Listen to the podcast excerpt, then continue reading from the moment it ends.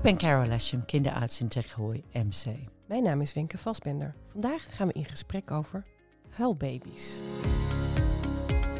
Wat fijn dat je er bent, eh, Carol. Jij weet niet alleen ontzettend veel over baby's, maar je bent ook nog eens expert op het gebied van huilbaby's. Je hebt er zelfs een boek over geschreven. Laten we eerst even teruggaan naar de basis. Waarom huilen baby's? Het gaat nu over baby's in de eerste drie maanden. Het is normaal dat je huilt als een baby. Wat is normaal huilen? Een baby die op tijd is geboren, heeft hetzelfde huilpatroon over de hele wereld door. Het mag niet uit als je in Blarikum of Zambia geboren bent. Het is hetzelfde. En wat gebeurt is dat het meestal het eind van de eerste levensweek, meestal net als de kraamzorg weggaat, begin je baby meer wakker te worden, dus gaat meer huilen. Dit gaat langzaam uh, omhoog en piekt rond een 6, 8 weken. En dan gaat het langzaam afnemen. En bij drie tot vier maanden, en ik heb het met name over die echt huilbuien waar die baby's zijn moeilijk te troosten, die zijn dan over.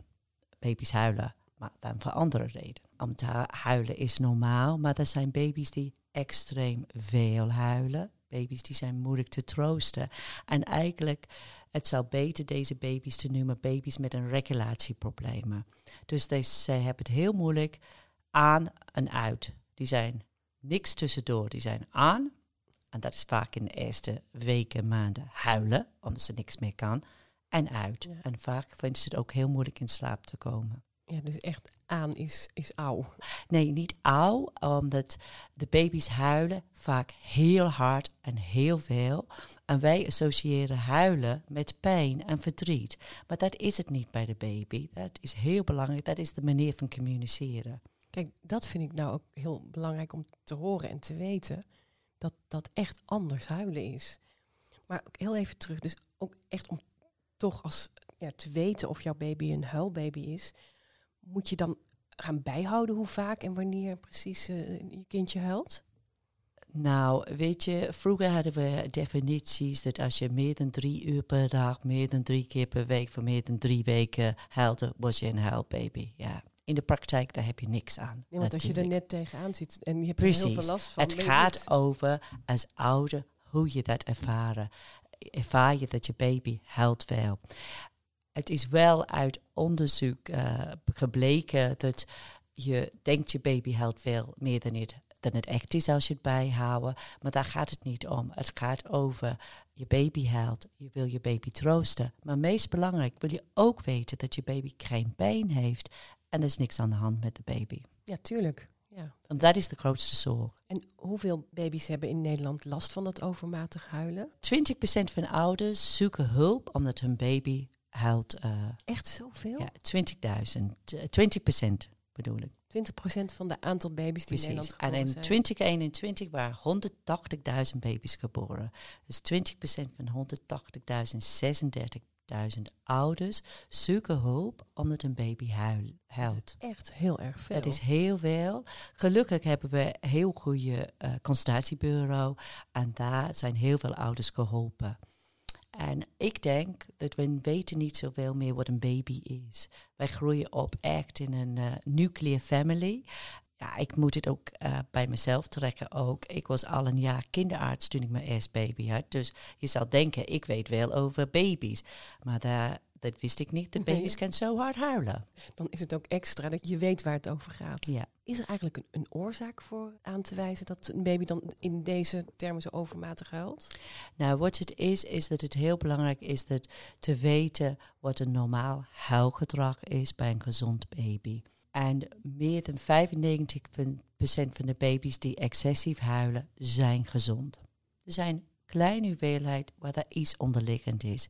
Maar dat is wel heel belangrijk waarom goed nagekeken wordt. Dus dat kunnen wij eigenlijk uitvinden met name van een anamnese. Dus heel veel vragen stellen en goed naar de baby kijken.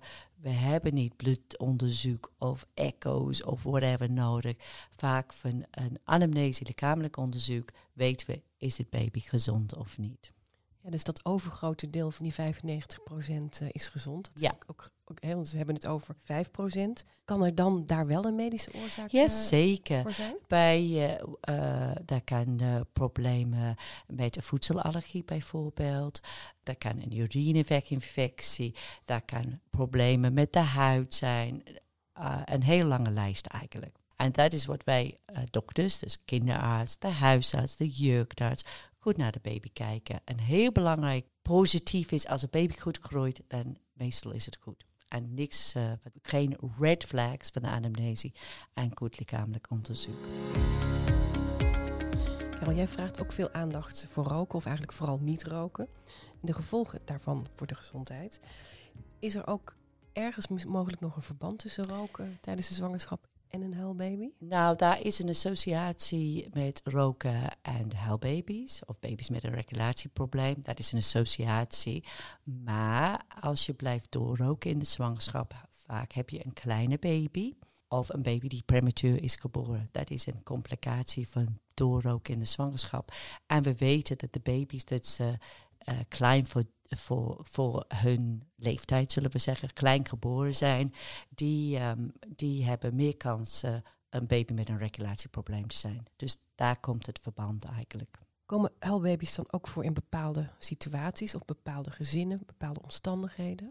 Nou, eh, ik denk cultuur speelt een rol. Eh, bijvoorbeeld eh, in sommige cultuurs waar de baby is altijd bij je. bij, ik kan, in het begin zei ik over, het mag niet uit- waar in de wereld je bent geboren. Het huilpatroon is hetzelfde.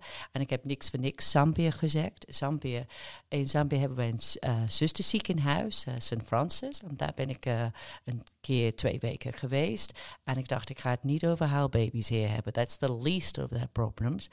Maar ik was op dat afdeling en een baby huilt. En wat doet de mo- moeder? Die pakt die baby op, die wik- wikkelt het in een doekje op de zijde, aan de borst. En shh, straks begrijp je waarom ik dit verhaal heb verteld. Dus dat doet ze daar uit zichzelf. Precies, ja.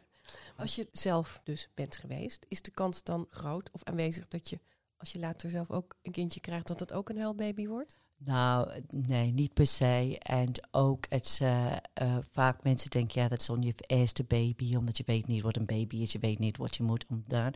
Maar een huilbaby kan je eerste baby zijn, het kan ook je vijfde baby zijn. Wat, wat het is, is daar is gewoon een normaal spreiding. En de baby's die extreem huilen, die zijn gewoon de top van normaal eigenlijk. En eh, het ik denk dat het is meer de baby, omdat die zijn altijd extreem alert baby's. Nou, die ouders zeggen soms, nou, die komt, eh, kwam kijkend buiten. En die baby's, als ze op de spreekuur zijn, die kijken, kijken, kijken. Maar ze kunnen niks eigenlijk. Dus alle die prikkels komen binnen en die moeten een keer uitkomen. En dat is met het huilen. En deze baby's zijn heel gevoelig voor prikkels van buiten, maar ook van prikkels van binnen. En wat bedoel ik daarmee? Dus als een windje eh, dwars zit of eh, als de voeding eh, net is op en je zal denken, ja, mijn ba- baby moet tevreden zijn. Maar dan gaat je dame allemaal bewegen en dan schrikken ze daar ook Ja, van. het is zo logisch eigenlijk als je het zo vertelt. Ja, Ja. Maar toch nog heel eventjes naar het kindje dat echt overmatig huilen. Kan dat dan dus het eh, huilen alleen en niet als er een prikkel is, wat je net zei, maar kan dat ook lich- lichamelijk of psychisch nog iets doen? lange termijn bedoel je? Ja, voor de baby? Ja? Nee. Maar dat zijn wel vervolg van baby's die excessief huilen bij de ouders natuurlijk. Je kan voorstellen, als moeder word je moe, machteloos, kan een probleem met je hechting zijn. En ook een van de grootste risicofactoren van een baby die excessief huilen is kindermishandeling, shaken baby syndroom. Niemand doet dat expres, maar soms ben je echt desperate. En heel moe. En heel moe. Je denkt niet na, je denkt niet na. Dus ook als ik iemand op de poli zeg, omdat die extreem komt bij mij op de poli natuurlijk, en vaak is het al een tijdje bezig, ehm, zeg ik, klein krapje, maar ik bedoel het niet als krapje, ben je zover dat je de baby in de kliko gaat gooien? Nee, natuurlijk niet. Maar ja, dat is een manier te laten zien dat het kan zo ver gaan. Ja. Dat kan ook echt uit vermoeidheid, eh, frustratie, want Ja. je wilt zo goed zorgen. Precies. En Ja. je voelt machteloos. Ja. En, En, je doet alles. En je baby stopt niet met huilen. nee. En je weet dus dan dus niet, dat heb je nu net verteld, wat er aan de hand kan zijn. Voordat ze bij jou komen. Precies. En er is heel veel onrust. Ja. Plus ook als je eh, voor informatie gaat zoeken en je gaat huilbaby in intypen op Google na, dan krijg je een hele rij van eh, mogelijke ziektes. Oh ja, dat helpt ook En niet. dat helpt ook niet. Nee. Dus dat maakt je nog meer onzeker natuurlijk. Ja. Kun je voorkomen dat het huilen voor, voor een ouder te veel wordt? Jazeker.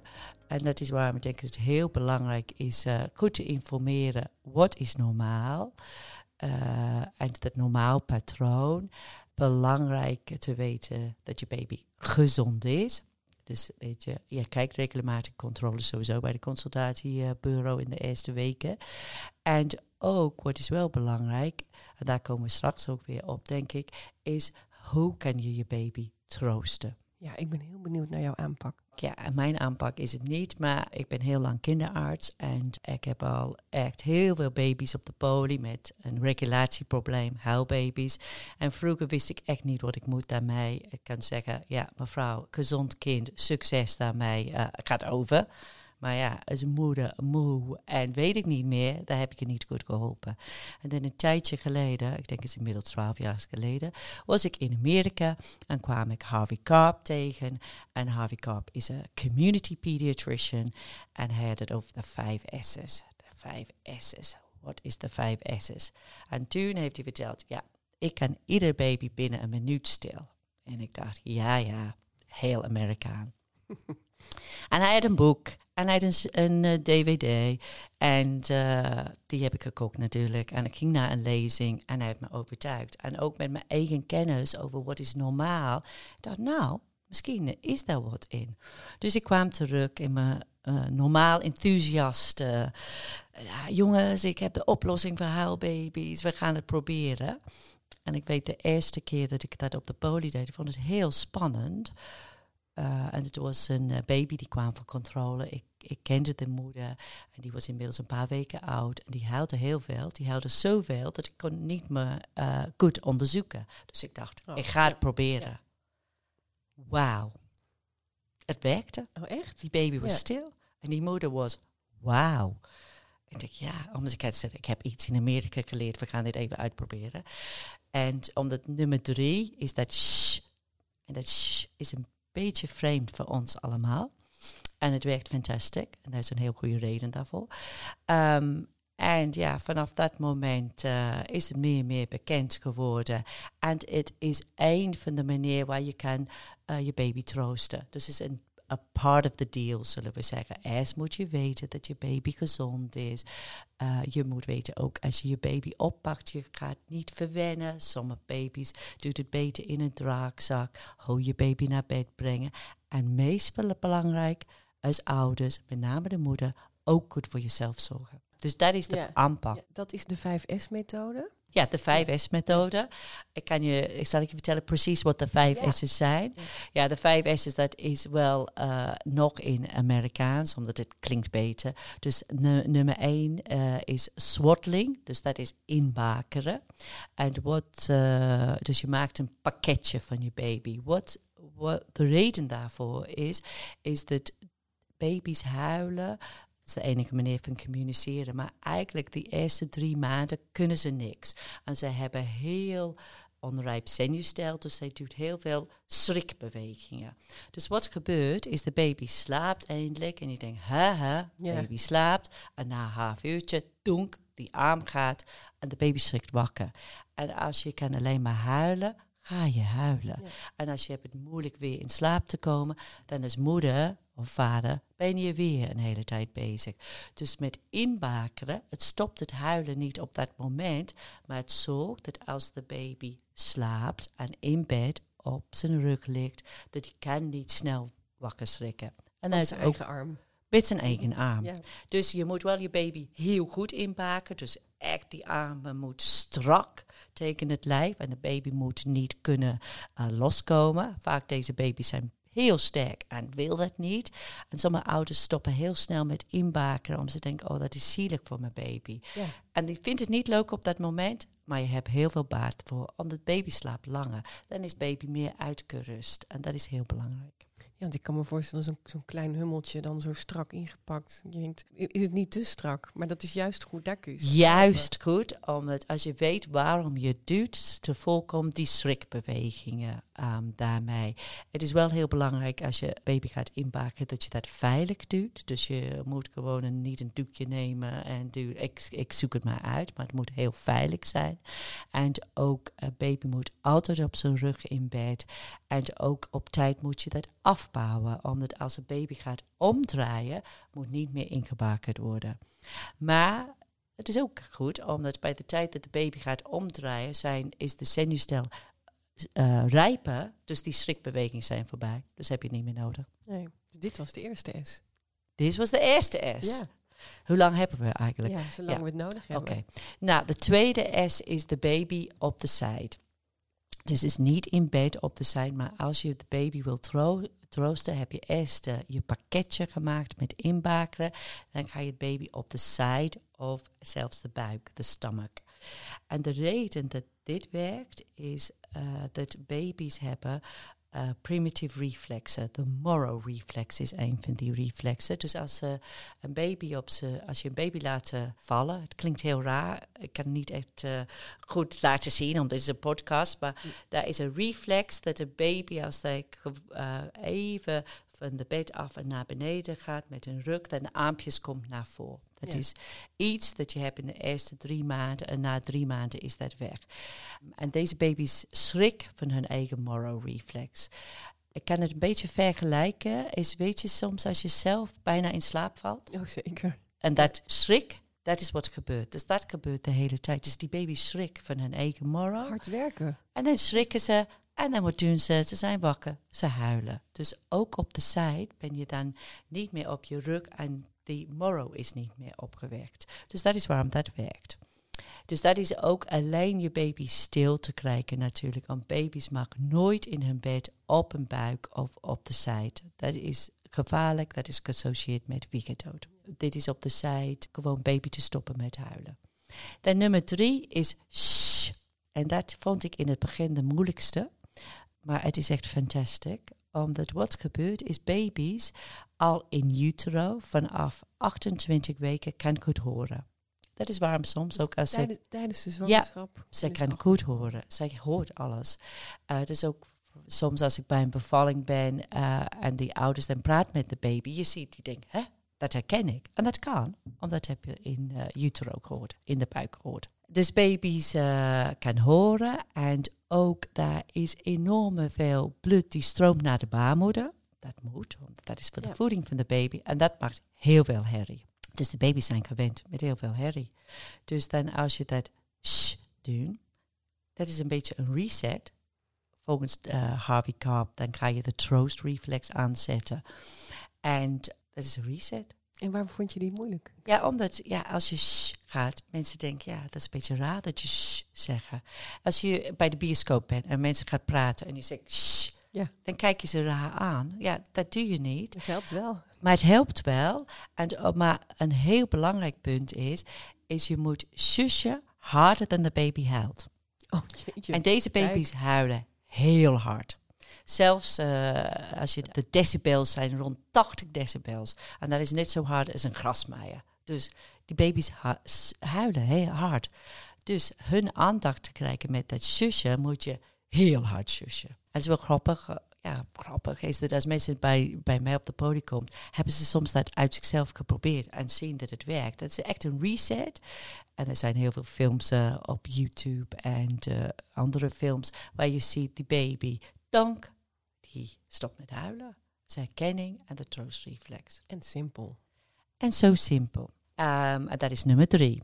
Dan hebben we nummer vier, en dat is uh, de, als een S, een swaying, en dat is eigenlijk wiebelen.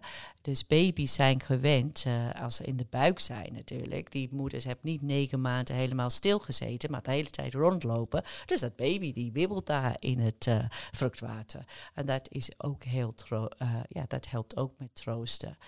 En um, nummer vijf is sucking of de speen, omdat heel veel baby's hebben sowieso suikbehoeften en ze hebben een suikreflex. ook een van de primitieve reflex dat na drie maanden overgaat. En met dat suiker, dan zij houdt zichzelf getroost eigenlijk. Dus de speen is heel goed. Kijk, maar dat zijn hele praktische. Ja, heel Tips praktisch. Ja. Maar wat is dan het echte essentiële bij het toepassen van deze vijf eh, S-methoden? Nou, is, nummer één is dit, eh, je moet een gezonde baby hebben.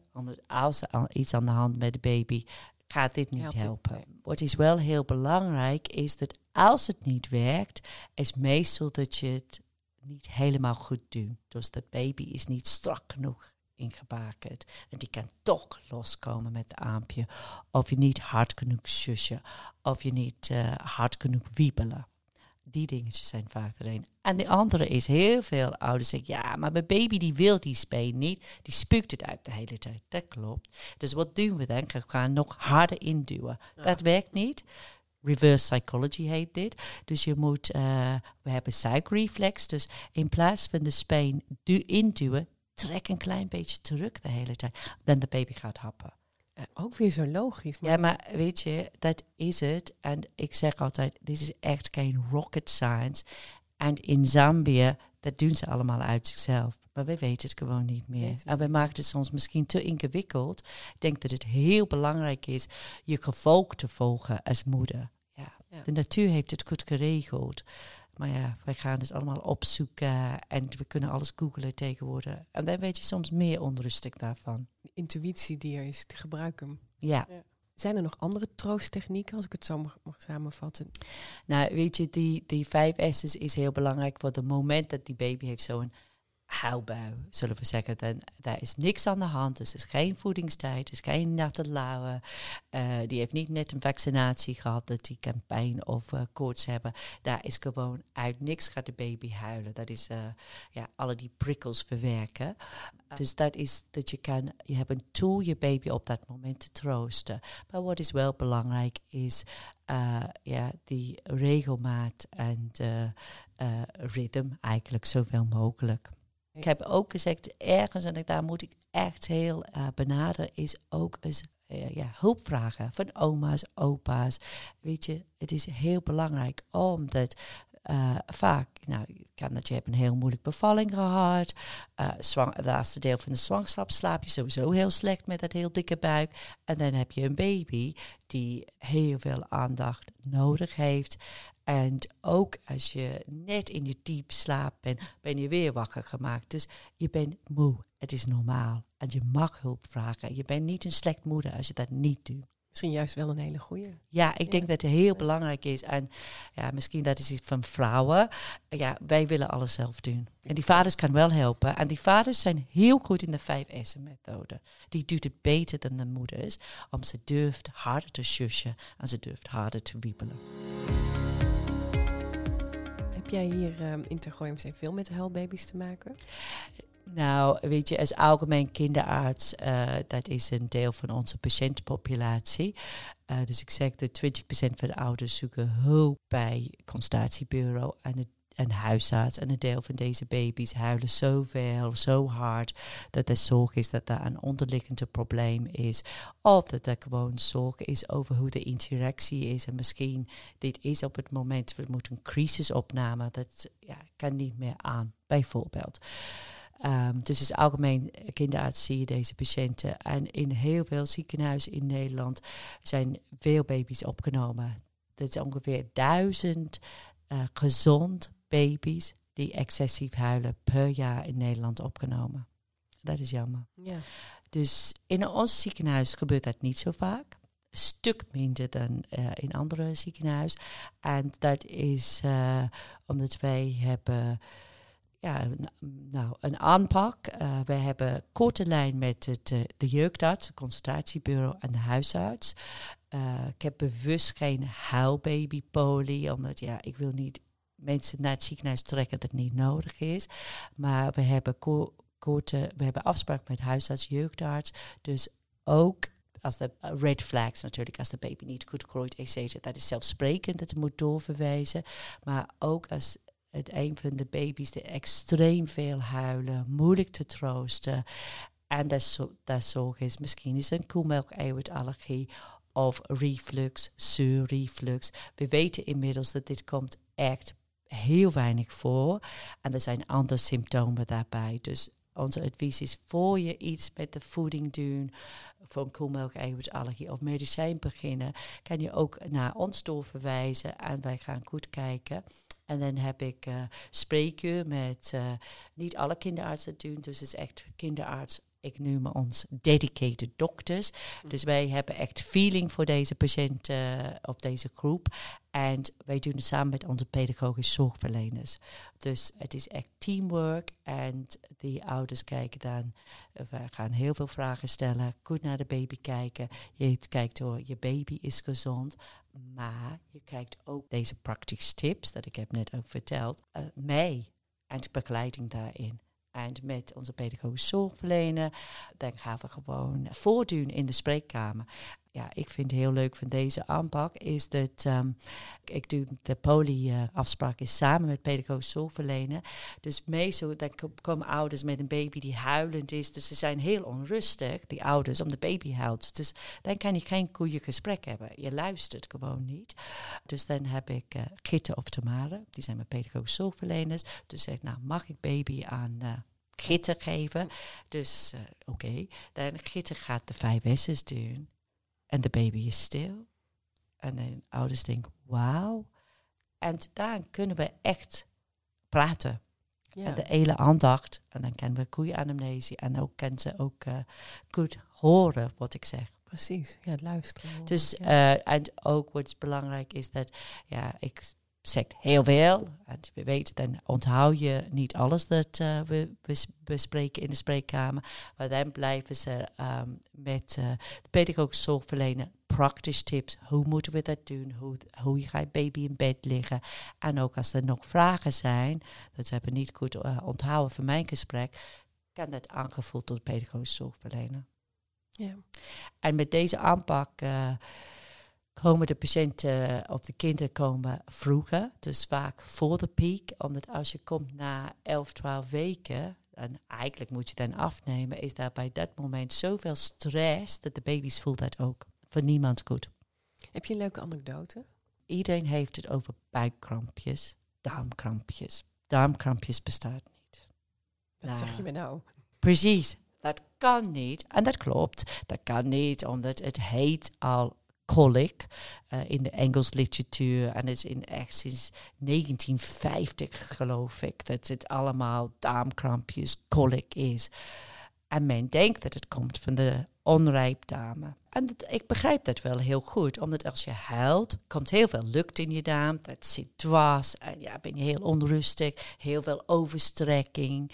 Uh, dus ja, ik begrijp heel goed. Maar als het van onrijp dame komt, hoe kan dat? Dat ik heb een afdeling vol van premature baby's. Dus baby's echt 8, 9, 10 weken te vroeg geboren. Nou, die hebben echt onrijp dame ja. natuurlijk. En de laatste deel van de zwangerschap ben je vet gemest als je in, je in de buik van je moeder bent. Dus wij moeten deze baby's ook vet mesten. Dus zij krijgt voeding. Ja. En niet een beetje voeding. Lekker veel voeding. En ze huilen helemaal niet. Dus dan ligt dat niet aan die darmen. Exactly. Nee. Maar wanneer gaat de baby's huilen? Als ze naar huis gaan. En wanneer mogen ze naar huis gaan? Als ze ongeveer de uitgerekende datum ben. Premature baby's, die slapen de hele tijd. Dus pas als je een beetje wakker bent, dan kan je die prikkels opnemen. En de andere opvallende ding is, is waarom als uh, het van je dame komt, is het na drie tot vier maanden over. En heel vaak heb ik hier in deze podcast over de die reflexen, die reflexen, die suikreflexen en die schrikbewegingen, bij drie, vier maanden zijn die ook over. Dus het is allemaal onrijpheid van het hersen. Harvey Karp zegt altijd, die baby had nog drie maanden moeten binnenblijven. Maar ja, als vrouwen weten we dat dat onmogelijk nou, is. was het mogelijk. Ja, dus ik, ik vergelijk het een beetje met een kangoeroe eigenlijk. Dus die komen ook vroeg uit en dan ze zijn gebuideld. Dus dat is een beetje de, een mooi antidote. Ja, je hebt er ook een boek over geschreven. Ja, ik heb uh, een boek over geschreven in Bakra. Uh, helemaal geen dikke boek. Helemaal geen moeilijk Nederlands. Met, als je mijn uh, stem hoort, dan snap je dat het geen moeilijk Nederlands Maar er is ook een andere reden dat het geen moeilijk Nederlands is. Omdat als je dit leest, uh, meestal ben je moe en uh, je wil gewoon praktisch tips. Dus het is heel makkelijk. En eigenlijk heb ik een keer opgeschreven wat ik al twintig jaar in de spreekkamer verteld. En nu hebben we het ook op een podcast opgenomen. Ja. Wat doe je als kinderarts nog meer? Je hebt net even over prematuur. Uh, nou ja, uh, ik ben algemeen kinderarts in een algemeen ziekenhuis. Dus ik, ben, uh, ik heb een heel breed vak natuurlijk. Dus ik heb het van prematuur baby's, zijn mijn patiëntpopulatie, tot pubers, tot 18. En dat is waarom ik het zo leuk vind, is zo afwisselend. Dus ik kan tijdens een poli een baby hebben. En dan kan ik zo een puber, die wil echt niet naar de dochter. Die moet meestal zijn komen omdat de moeder zegt die moet komen. En die heeft echt geen zin te praten met de dochter. Daar moet ik echt allemaal communicatieskills uh, gebruiken. Hele andere dus heerlijk. skills, ja. ja. Het is heel afwisselend en we hebben een heel breed vak. Wat we niet doen als kinderarts is opereren. Mensen denken dat we ook opereren. Dat doen we echt niet. Maar we zijn echt, uh, ik vind, uh, huisarts voor kinderen. En polyklinisch is veel van onze werk, maar ook natuurlijk hebben wij acute zorg. Uh, en daar zijn wij, ja, ik noem dat, kan echt soms echt ER zijn. Dus ook als een baby uh, moeilijk tijdens de bevalling heeft, dan ja, soms moet je echt uh, je best, nou, je best doen. Je doet altijd je best natuurlijk. Maar echt, er zijn een paar kinderen misschien hier rondlopen in het kooi dat ik denk, nou, die heb ik uh, goed geholpen. Die zijn er nog, ja. Alles uit de kast. Ja. Uh, en dan de andere is dus, dat is dat acute stuk. En dan heel veel uh, normaal ontwikkeling, huilbaby's. Maar ook begeleiden van kinderen met verschillende chronische ziekten. En wat ik vind nog steeds jammer, is dat ik moet afscheid van mijn patiënt op de leeftijd van 18. En bijvoorbeeld heb ik uh, ook veel patiënten met Down-syndroom. Dus sommige van die uh, patiënten heb ik echt uh, al als een baby opgevangen. En dan heel veel meegemaakt met de kinderen, maar ook de ouders. En dan aan 18 dan moet ik overdragen naar een andere dochter. Ja, Goh, ja. Nog even, heb je nog een laatste tip voor de, ja, de luisteraars met een huilende baby? Nou, ik denk dat het wordt heel belangrijk, zoek hulp. En het ligt niet aan jou. En hulp zoeken, en dat kan bij de dokter zijn, consultatiebureau en ook in je family natuurlijk. En die andere ding is ook uh, je eigen gevoel volgen, omdat overal is er informatie. De buurvrouw weet het beter, Google weet het beter. Maar ja, als moeder, je weet het ook zelfs heel goed. Daar moet je vertrouwen in hebben. Kunnen je niks meer aan toevoegen. Dankjewel, Carol, voor dit uh, hele mooie interview en uh, prachtige podcast. Nou, dankjewel. U luisterde naar een aflevering van de Tergooi podcast. We hebben nog veel meer afleveringen gemaakt. Bent u benieuwd? Ga dan naar tergooi.nl slash podcast.